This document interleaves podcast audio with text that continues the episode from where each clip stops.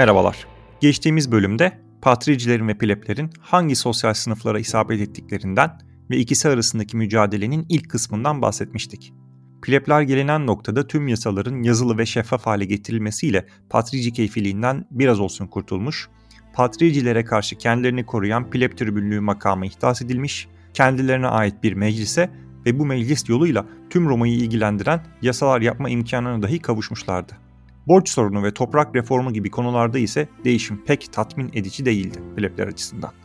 Pleblerin yeni hedefi bir süredir konsüllüktü. Patricilerin hedefi ise konsüllüğü pleblerle paylaşmak zorunda kalmamaktı. Bu amaçla Tribuni Militum Consulari Potestate yani konsüllük yetkileriyle donatılmış askeri tribünlük makamını iddias etmişlerdi. Geçen bölüm dediğim gibi ben bu makamı çoğu zaman kısaca konsüler tribünlük olarak anacağım. Plebleri konsüllükten uzak tutmak için ihdas edilen bu makama patriciler de plebler de seçilebiliyorlardı. Konsüllüğün pleblere açılmasına kadar geçecek 80 yıla yakın sürede konsüler tribünler zaman zaman görev yaptılar. Zaman zaman diyorum zira konsüller ile birlikte görev yapmadılar. Roma'nın içinde bulunduğu duruma göre o sene konsül yahut konsüler tribün seçimi yapılırdı. Yani konsüler tribünler ve konsüller aynı anda görev yapamazlardı. Roma'nın içinde bulunduğu durumdan kasıt da genelde bir savaşın askeri operasyonun söz konusu olup olmadığıydı. Eğer bir askeri operasyon bekleniyor ise o sene konsüller görev yapar, o senenin sakin geçmesi bekleniyor ise konsüler tribünler görev yapardı. O sene hangi makamın seçimlerinin yapılacağına ise senato karar verirdi. Hayır, kimsenin kafası karışmasın, ben de yanlışlık yapmadım, isme takılmayalım. İsimleri askeri olmasına rağmen bunlar genelde barış zamanı görev yaparlardı. Gerçek hareketin olduğu Roma'nın kaderinin tayin edildiği zamanlarda genelde konsüller görevde olurdu. Sıradan işlerin olduğu, önemsiz kararların alınacağı zamanlarda ise konsüler tribünler görev yaparlardı. Tekrar tekrar ettim bunu. Peki adında neden askeri var? Çünkü konsüllük yetkileriyle donatılmış askeri tribün ordu daha doğrusu Comitia Centuriata Meclisi tarafından seçilirdi. Hatırlarsınız Comitia Centuriata Roma yurttaşlarının servet esasına göre bloklara bölündüğü bir meclisti ve bu bloklar yurttaşların Roma ordusundaki konumlarını da gösterirdi. Başlangıçta 3 adet konsüllük yetkileriyle donatılmış askeri tribün seçilirken bu sayı önce 4'e sonra 6'ya çıktı. Bunun sebebi de pleblerin de erişimine açık olduğu için her bir konsüler tribünün elindeki gücü bölmek azaltmaktı. Gerçi Centuria Meclisi'nin yapısı nedeniyle çoğu zaman patriciler konsüler tribünlük makamlarının tamamını ya da çoğunu dolduruyorlardı zaten. Konsüler tribünlerin sayısı arttıktan sonra bazı önemli yıllarda da bu tribünler konsül yerine görev yapmaya başladılar. Patricilerin aldığı tek önlem bu da değildi. Konsüllerin 5 yılda bir sensus, bir nevi nüfus ve servet sayımı yapma görevleri vardı. Sensuslar ile Roma sınıfları tespit ediliyor, bu sınıf temelinde oylama yapan Comitia Centuriata'da kimin hangi sınıf içinde olacağı tespit ediliyordu konsüllük yetkileriyle donatılmış askeri tribünün bu yetkiyi kullanmasını istemediklerinden patriciler M.Ö. 443 senesinde sensorluk makamını iddias ederek bu yetkiyi konsüllerden alıp ihdas ettikleri ve sadece patricilere açık olan sensörlük makamına verdiler.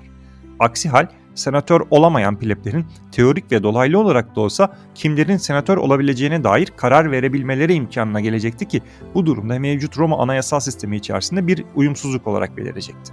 Aradan geçen 80 yıla yakın sürede Roma sosyal hayatında çok önemli değişiklikler olmadı. Fakat enerji birikmeye devam etti. Evet, konsüllük olmasa da konsüler tribünlük plebleri açıktı fakat çoğu zaman bu makamı tamamen patriciler dolduruyordu. Zira Roma seçim sistemi halen patricileri önceliyordu.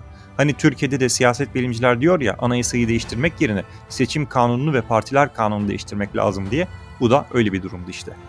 Plebler için Roma anayasal sisteminde kağıt üzerinde tanınmış haklarının çoğundan yararlanmak hiç kolay değildi. Değişim zaman alıyordu ve tedriciydi. Bu şekilde geçen yaklaşık 80 yılın ardından şartlar olgunlaşmış olacak ki pleb cephesinde yeni talepler gündeme gelmeye başladı. Podcast'in 11. bölümünü dinleyenler Patrici Marcus Fabius Ambusus'u ve bir pleb damadı Gaius Licinius Stolo'yu hatırlayacaklardır. Bu ikilinin ve ortak bağları olan hanımefendinin arasında geçenler biriken enerjiye kıvılcım oldu ve Patrici kayınpeder ile pleb damat konsüllüğün yolunu plebleri açan olayın fitilini ateşlediler. Pleb tribünü seçilen Stolo, Senato'nun alacağı bütün kararları veto edeceğini ilan ederek Roma'yı anayasal sistemi kilitlemekle tehdit etti. Senato, krizi efsanevi kahraman Camillus'u diktatör atayarak çözmek istedi. Fakat diktatör olarak atanan Camillus, pleblerle pazarlığa oturarak bir patrici pleb anlaşması niteliğindeki yasaların çıkmasını sağladı. Bu anlaşma sayesinde pleb tribünü Stolo ile mevki dışı Lucius Sextius Lateranus M.Ö. 367 senesinde Lex Licinia Sextia yani Licinius ve Sextius kanunları olarak anılan yasaları çıkardılar. Kanun başlıca dört alanda düzenlemeler içeriyordu. Öncelikle Lex'te Consile Altero Ex Plebe ile konsüler tribünlük kaldırılıyor ve devletin en yüksek yöneticisi olarak sadece konsüllük kalıyor. Bu konsüllerden birinin de pleb olması mümkün hale geliyordu. Konsüler tribünlük ve sensörlük makamları ihdas edilirken patricilerce izlenen yöntemin tekrarlanması suretiyle konsüllerin yetkileri bir kez daha kısıtlanarak sadece patricilere açık preatörlük makamı ihdas ediliyordu. Preatörler imperium sahibi asli görevleri adalet işlerini yürütmek olan fakat gerektiğinde lejyonları da komuta edebilen yüksek bir memurluktu. Hatta konsüllükten sonra en yüksek ikinci memurluktu. Esasen gelişen ve büyüyen Roma'nın böyle bir makama ihtiyacı da vardı. Zaten kısa bir süre sonra preatörlerin sayısı ikiye çıkarıldı ve bunların biri yurttaşlar arasındaki davalara bakan Praetor Urbanus, diğeri ise yabancılar arasındaki davalara bakan Praetor Inter Cives et Peregrinos olarak adlandırıldı. Patriciler o güne kadar sadece pleblere ait olan aidillik makamını da kendi erişimlerine açtılar. Bu makam bir tür zabıtalıktı ve en önemlisi Aediller Roma şenliklerinin düzenlenmesi ve organizasyonu ile sorumluydu. Artık konsüllük pleblere açık olduğuna göre birçok plebi çok popüler Romalılar haline getiren bu makam seçimlerde pleblerle yarışacak olan patricilere açık olmalı değil mi? Lex de aere alieno ile mevcut borçlara karşı bir düzenleme getirildi ödenmiş faizler ana paraya sayılıyor. Geri kalan miktarın ise 3 yılda eşit ve faizsiz olarak ödenmesi hüküm altına alınıyordu. Lex de modo agrorum ile Spurius Cassius'un idamına neden olan ager publicus'un yani devlet arazisinin dağıtımı ve işletilmesi düzenleniyordu. Buna göre kimse 500 iegurumdan fazla devlet arazisi işletemeyecek. Bir parantez, bir iegurum yaklaşık 2590 metrekaredir. Kapa parantez ve devlet arazisinde 50 büyükbaş ya da 100 küçükbaş hayvandan fazlasını otlatamayacaktı.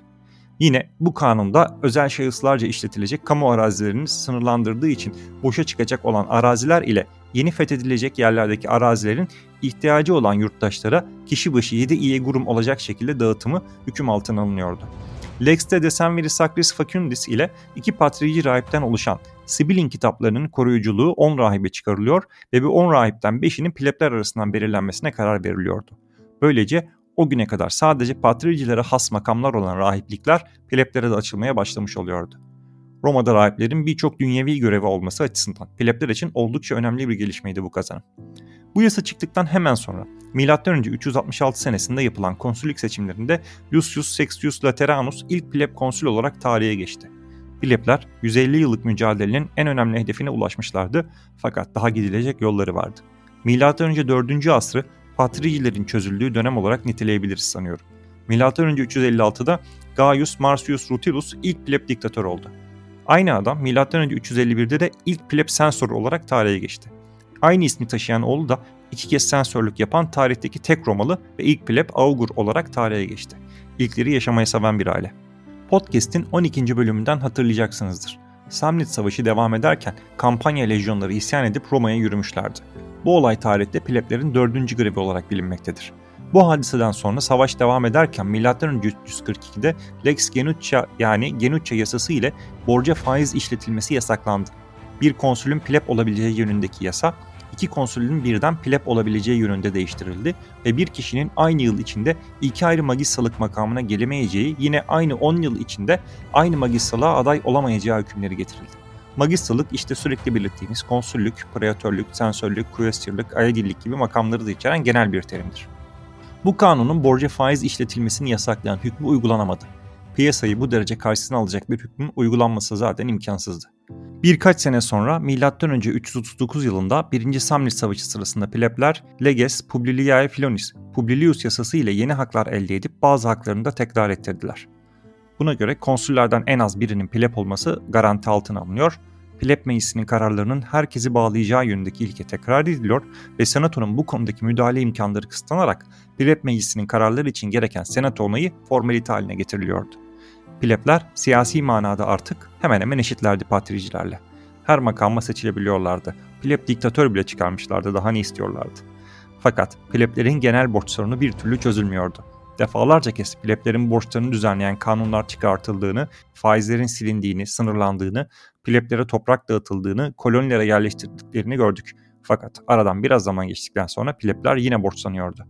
M.Ö. 326 senesinde Lex Poetilia Papira ile borç köleliği kaldırıldı.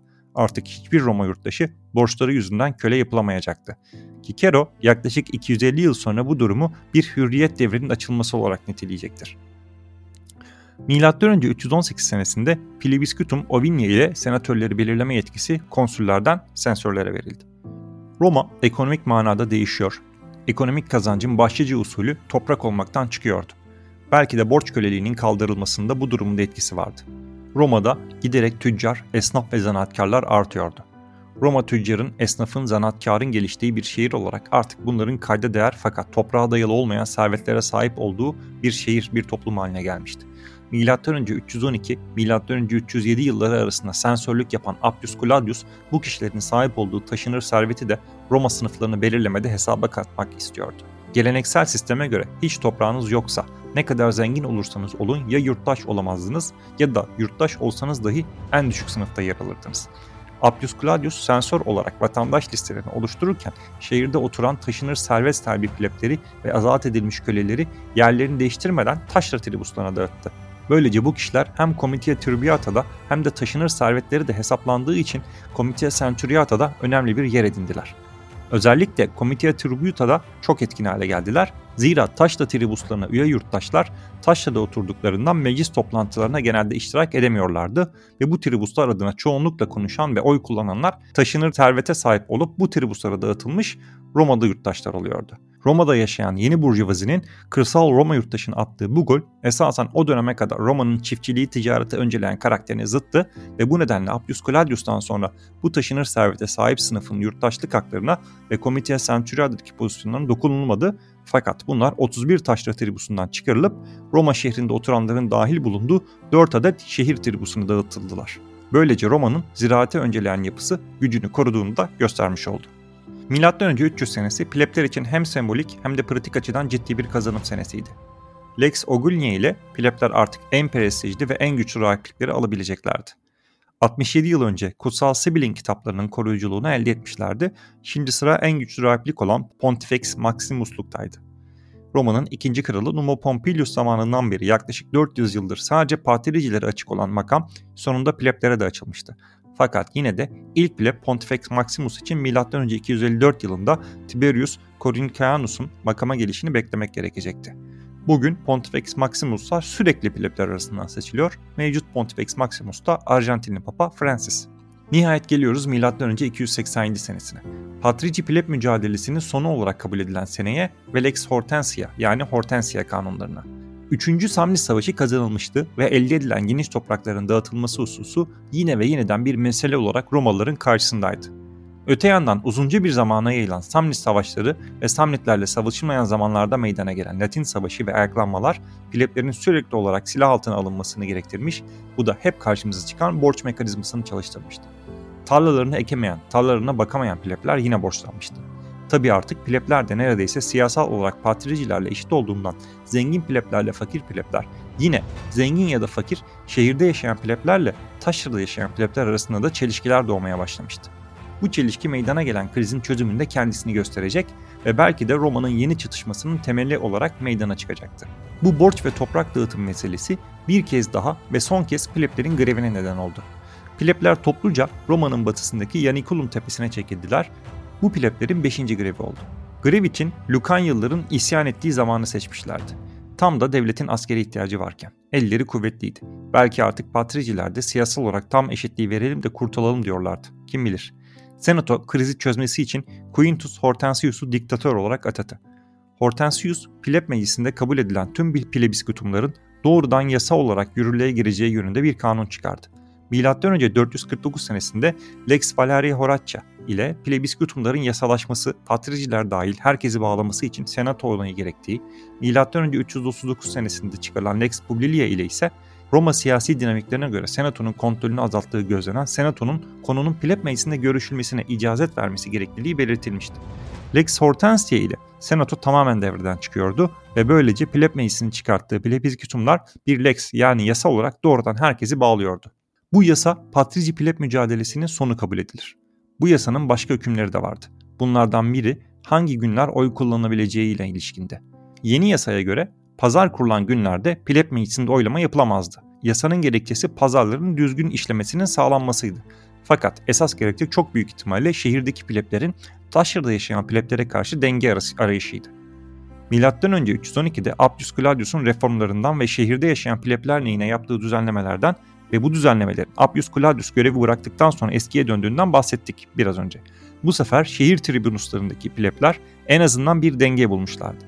Pleb meclisi de 4 şehir ve 31 taşrı tribusundan oluşuyordu ve oy verme hakkı bireylerde değil tribuslardaydı. Roma'da pazar kurulmadığı günlerde şehre gelmek taşra plebler için maliyetli olacağından bu yeni düzenleme şehirli pleblere avantaj sağlıyordu. Roma, İtalya'nın tamamına da hakim olsa oylamalar sadece Roma'da yapılıyordu. Zira Roma hala bir şehir devletiydi. Roma, Patrici pleb çekişmesine çözüme kavuşturmuştu fakat artık tüm İtalya'ya hakimdi ve bir şehir devleti olarak İtalya'yı yönetmek, Roma İtalya Konfederasyonu'nu yönetmek başka krizler yaratacaktı. Bunları da ilerleyen bölümlerde konuşacağız. Patrici pleb mücadelesi de esasen pleblerin borç ve toprak sorunlarını hafifletmişse de çözmemişti. Fakat pleblerin zenginleşen bir kısmı siyasal açıdan patricilerle eşitliğin de verdiği imkanlarla artık konsül, diktatör, sensör, pontif, quaestor, praetor, senatör oluyorlardı. Pleblerin bu en zengin sınıfı patricilerin eski kapalı aristokrasisiyle evlilikler ve ittifaklar yoluyla birleşti ve eski Roma aristokrasisine yeni bir şekil verdi. Zamanla bazı patrici ailelerin pleb kolları oluştu. Artık onlara nobilitas yani asiller, kibarlar diyebiliriz. İleride de en iyiler manasında optimates diyeceğiz. Karşılarında da populares yani halkın gözdeleri olacak. Geç Cumhuriyeti konuşurken sıklıkla değineceğiz bu gruplara. Nobilitas kendisini görünüşte ve davranışta avamdan ayırıyordu. Elbiseleri farklıydı. Yüksek memurluk yapmış atalarının portrelerini yani paşa dedelerinin portrelerini evlerine asıyorlardı. Nobilitas tabi patricilerden temelde bir farka sahipti. Patriciler kapalı bir gruptu. Sadece soyunu Romulus'un seçtiği ilk senatörlere dayandırabilen kişiler patriciydi ve bu gruba sonradan girmek imkansızdı. İmkansız dedik gerçi birkaç tartışmalı aile var. Aquilla ya da Tarquinii aileleri gibi. Fakat neyse diyerek konuya dönelim. Yeni nobilitas ise patricileri de içermekle birlikte yasal bir kapalı sisteme sahip değildi. Kamusal hayatta, askeri hayatta başarılar gösteren herkes yüksek memurluklara seçilerek bu sınıfa girebilirdi. Bunlara homo novus, yeni adam denirdi ve belki de bu geçirgenliğin meydana getirdiği dinamizm en iyilerin en tepeye ulaşmasını ve Roma'nın yüzyıllarca en iyi yöneticilere sahip topluluk olmasını sağladı. Her büyük krizde faizler sınırlandırılarak, borçlar yapılandırılarak ertelenen fakat tam olarak çözülemeyen borç ve toprak sahipliği sorunları ise Roma'nın karşılaşacağı yeni çelişkilerinde yakıt olmaya devam etti. Borç sorunu deyip para meselesine girmişken patronu es geçmeyelim. Başlarınız bizi motive ediyor. İnceden hatırlatmış olayım. Gelecek bölümde erken cumhuriyet kurumlarını, müesseselerini, anayasal sistemini, işlerin Roma'da nasıl yürüdüğünü konuşacağız. O zamana kadar görüşmek üzere.